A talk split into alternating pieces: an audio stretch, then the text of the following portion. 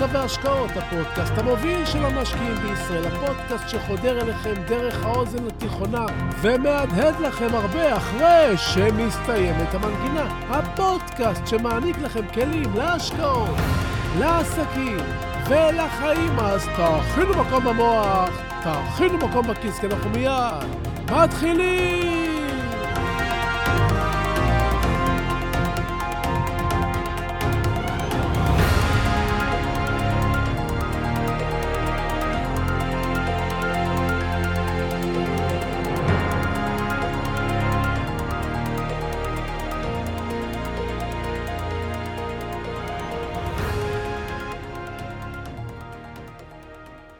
את השיעור של היום אני רוצה ללמד אתכם דרך חברה שנסחרת בבורסה בארצות הברית.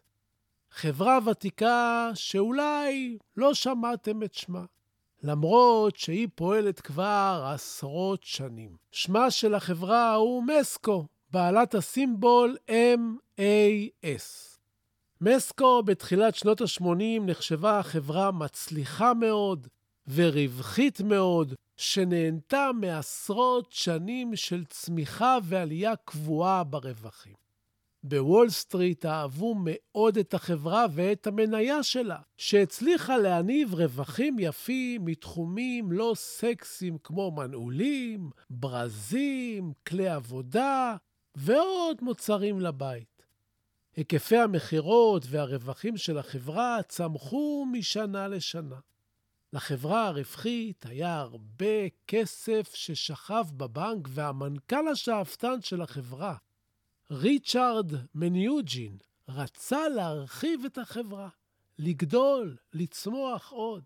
חברת מסקו הצליחה בתחילת שנות ה-80 לייצר מספר ברזים חדשים שאפשרו להחליף את המים מקור לחום ביד אחת. כמו הברזים שאתם מכירים היום מהמטבח ומהמקלחת, ברזים עם ידית מנוף אחת. עד אז לכל ברז היו שתי ידיות, אחת למים קרים ואחת לחמים. החדשנות והאיכות בתחום הברזים נתנה לחברת מסקו יתרון גדול על כל תחום הברזים, והיא שיווקה אותם באריזות שקופות שהיו חדשניות באותה תקופה. מסקו עשתה חיל בעסקיה וחיפשה כאמור לגדול. המנכ"ל הבוטח של החברה חיפש תחום חדש, ומצא את תחום הרהיטים בארצות הברית כתחום מעניין. באותן שנים רוב העסקים בתחום הרהיטים היו קטנים ומשפחתיים שהתפזרו בין שלושת אלפים מפעלים. וריצ'רד, מנכ"ל החברה, ראה בהתנהלות הזו המפוזרת הזדמנות להתרחב. ריצ'רד רצה לעשות לתחום הרהיטים את מה שהצליח לעשות בתחום הברזים. חברת מסקו נכנסה לתחום בעוצמה רבה וקנתה בפרק זמן של שלוש שנים שלוש חברות ענק בתחום הרהיטים. חברה שמייצרת רהיטי יוקרה, חברה שמייצרת רהיטים בטווח מחירים בינוני, וחברה שמייצרת רהיטים הנמכרים במחירים זולים ונמוכים. סך כל ההשקעה היה 800 מיליון דולר, ובכך הפכה מסקו להיות השחקנית השנייה בגודלה בארצות הברית.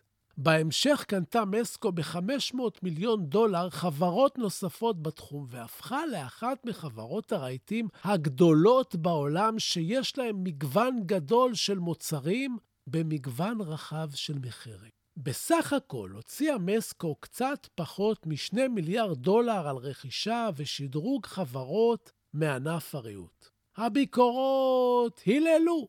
הם היללו את המנכ"ל של החברה שהצליח לעשות לענף הרהיטים את מה שעשה לענף הברזים. ואז הגיעו המספרים. אחרי 32 שנים של עלייה רצופה ברווחים, ירדו הכנסות החברה ב-30%. הרווחים מההשקעה של כמעט 2 מיליארד דולר בתחום הריהוט היו בסך הכל 80 מיליון דולר. 80 מיליון על 2 מיליארד, רווח שולי תפעולי של 5%. נמוך מאוד ביחס למה שידעה מסקו לתת. זמן לא רב לאחר מכן החלה חברת מסקו למכור את עסקי הריהוט שלה ויצאה בהפסד של 650 מיליון שקלים. מחיר המניה ירד משער של 18 דולר ערב הכניסה של החברה לתחום הריהוט, ועד לשער של 7 דולר ערב יציאתה מהתחום. היום עומד כבר שער המניה כמעט על 60 דולר, ומי שיצפה בגרף שלה יבין כי החברה למדה את הלקח והתאוששה. ועכשיו, למה סיפרתי לכם את הסיפור על מסקו? אתם סקרנים, נו, אני יודע, אז חכו, חכו ומיד תשמעו. שלום, ברוכים הבאים לפודקאסט בורסה והשקעות, הפודקאסט המוביל של המשקיעים בישראל. לא נדבר על המוח, על מחשבות, על עסקים, על השקעות, וכמובן, עוד דברים שומטי לסת, אז תהיו ממוקדים. תכינו מקום במוח, תכינו מקום בכיס, כי אנחנו מיד ממשיכים!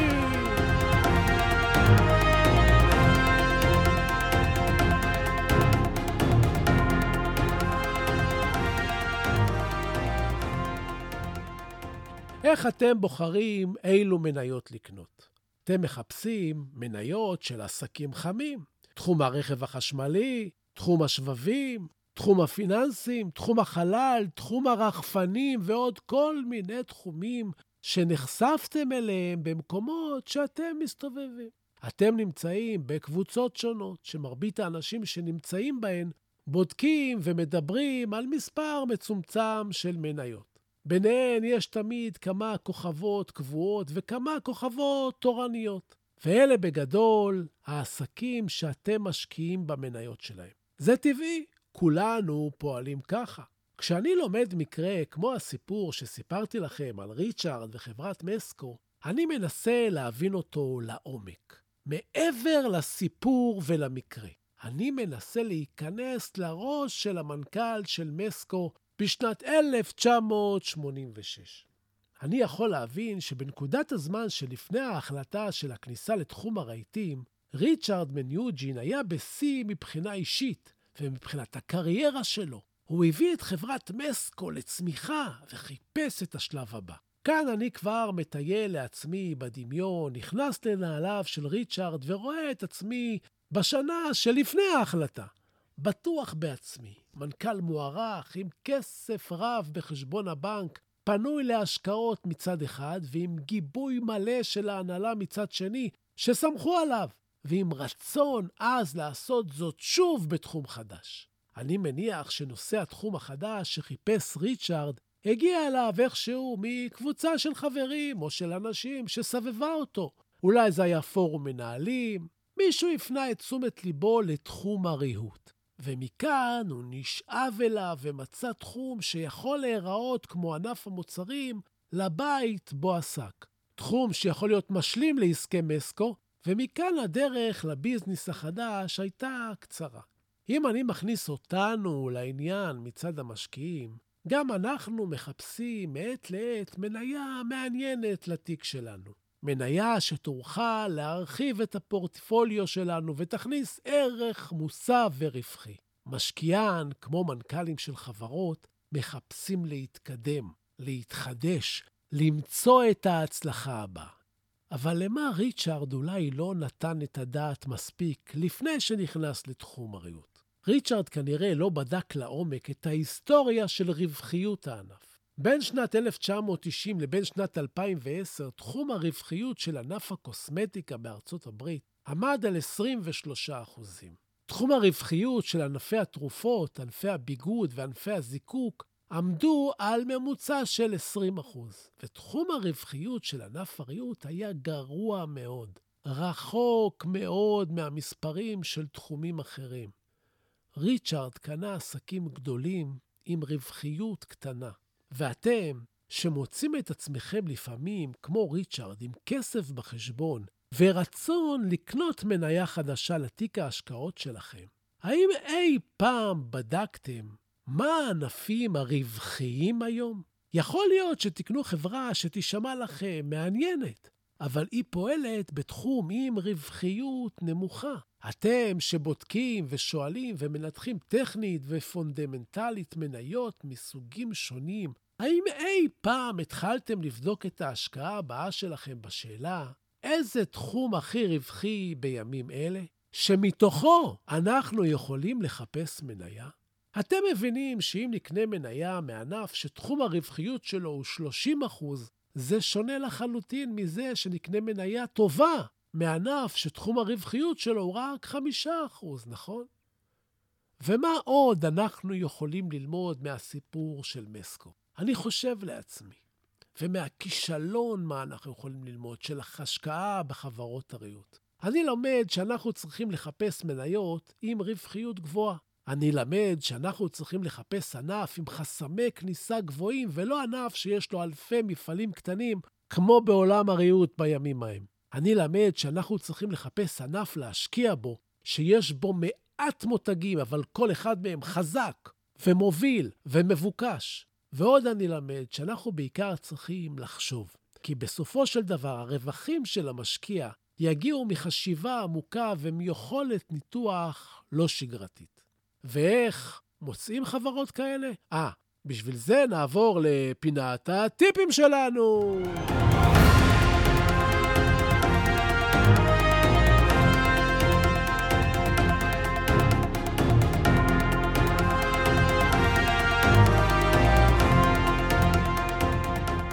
הטיפ שלי להיום הוא צאו למסע חיפוש אחרי ענפים רווחיים. כנסו לגוגל ותעשו חיפוש רווחיות לפי ענפים. תגלו בארץ מגוון של מקורות ידע, החל מכתבות ועד לדוחות של רשויות המס והבורסה. תגללו, תגלשו, תקראו, חיפוש רווחיות לפי ענפים. חפשו גם ענפים רווחיים בעולם שאתם מקיאים. מה הרווחיות של הענפים, כמו רכב חשמלי, שבבים, פיננסים, תוכנה וכדומה, ברגע שתתחילו לחפש ולדבר על זה, הנושא יתפוס תאוצה ושיח, ותתחילו לחפש השקעות טובות מנקודת מבט חדשה שהחלה כאן, בהאזנה. אז, אז זהו לנו להיום, ובסיום אני שב ומציין כי אין במה שאני אומר המלצה מקצועית או ייעוץ מקצועית, אלא תמיד כדאי לקבל מיועץ מוסמך עם רישיון. לי אין, אני רק משתף אתכם במה שאני חושב.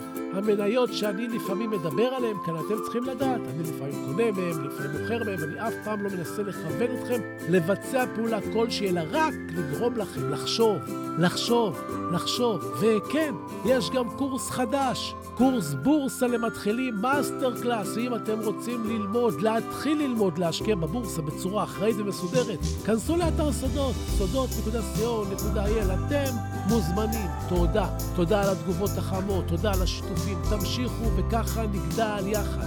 תודה להילה ברגמן, שעורכת ומאירה ומפיקה את הפודקאסט הזה. ועד הפגישה הבאה שלנו אתם מוזמנים לשמור איתי על קשר. תצטרפו למגזין שלנו, זה חינם, www.co.il. תבקרו באתר האינטרנט שלי, סודות.co.il. תשלחו לי מייל.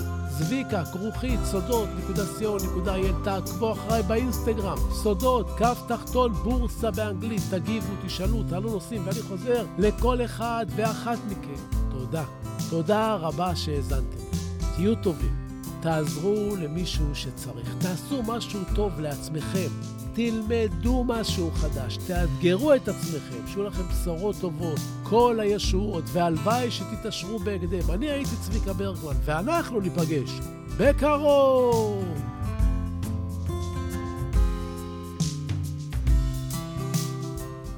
אט-אט גובע פבלו נרודה. אט-אט גובע מי שלא נוסע.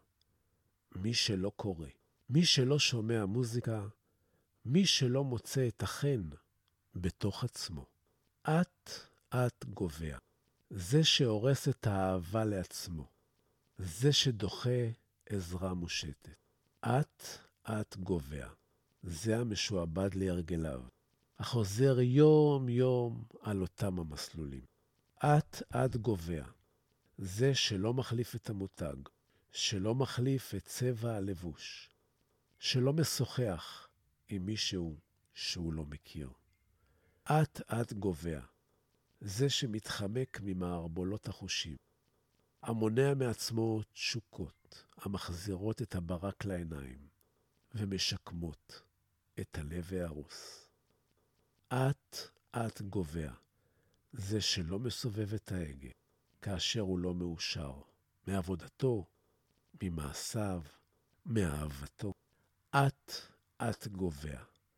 זה שלא מסכן את הוודאי, הוא הלא ודאי, בכדי ללכת אחרי החלום. את, את גובע, זה שלא מרשה לעצמו, אפילו פעם בחיים, לברוח מהעצות הנבונות. חיה היום, סכן היום, עשה היום, עשה מיד. אל תסכים לגבוה לאט. עשרת המכשולים, אל תסרב לאושר.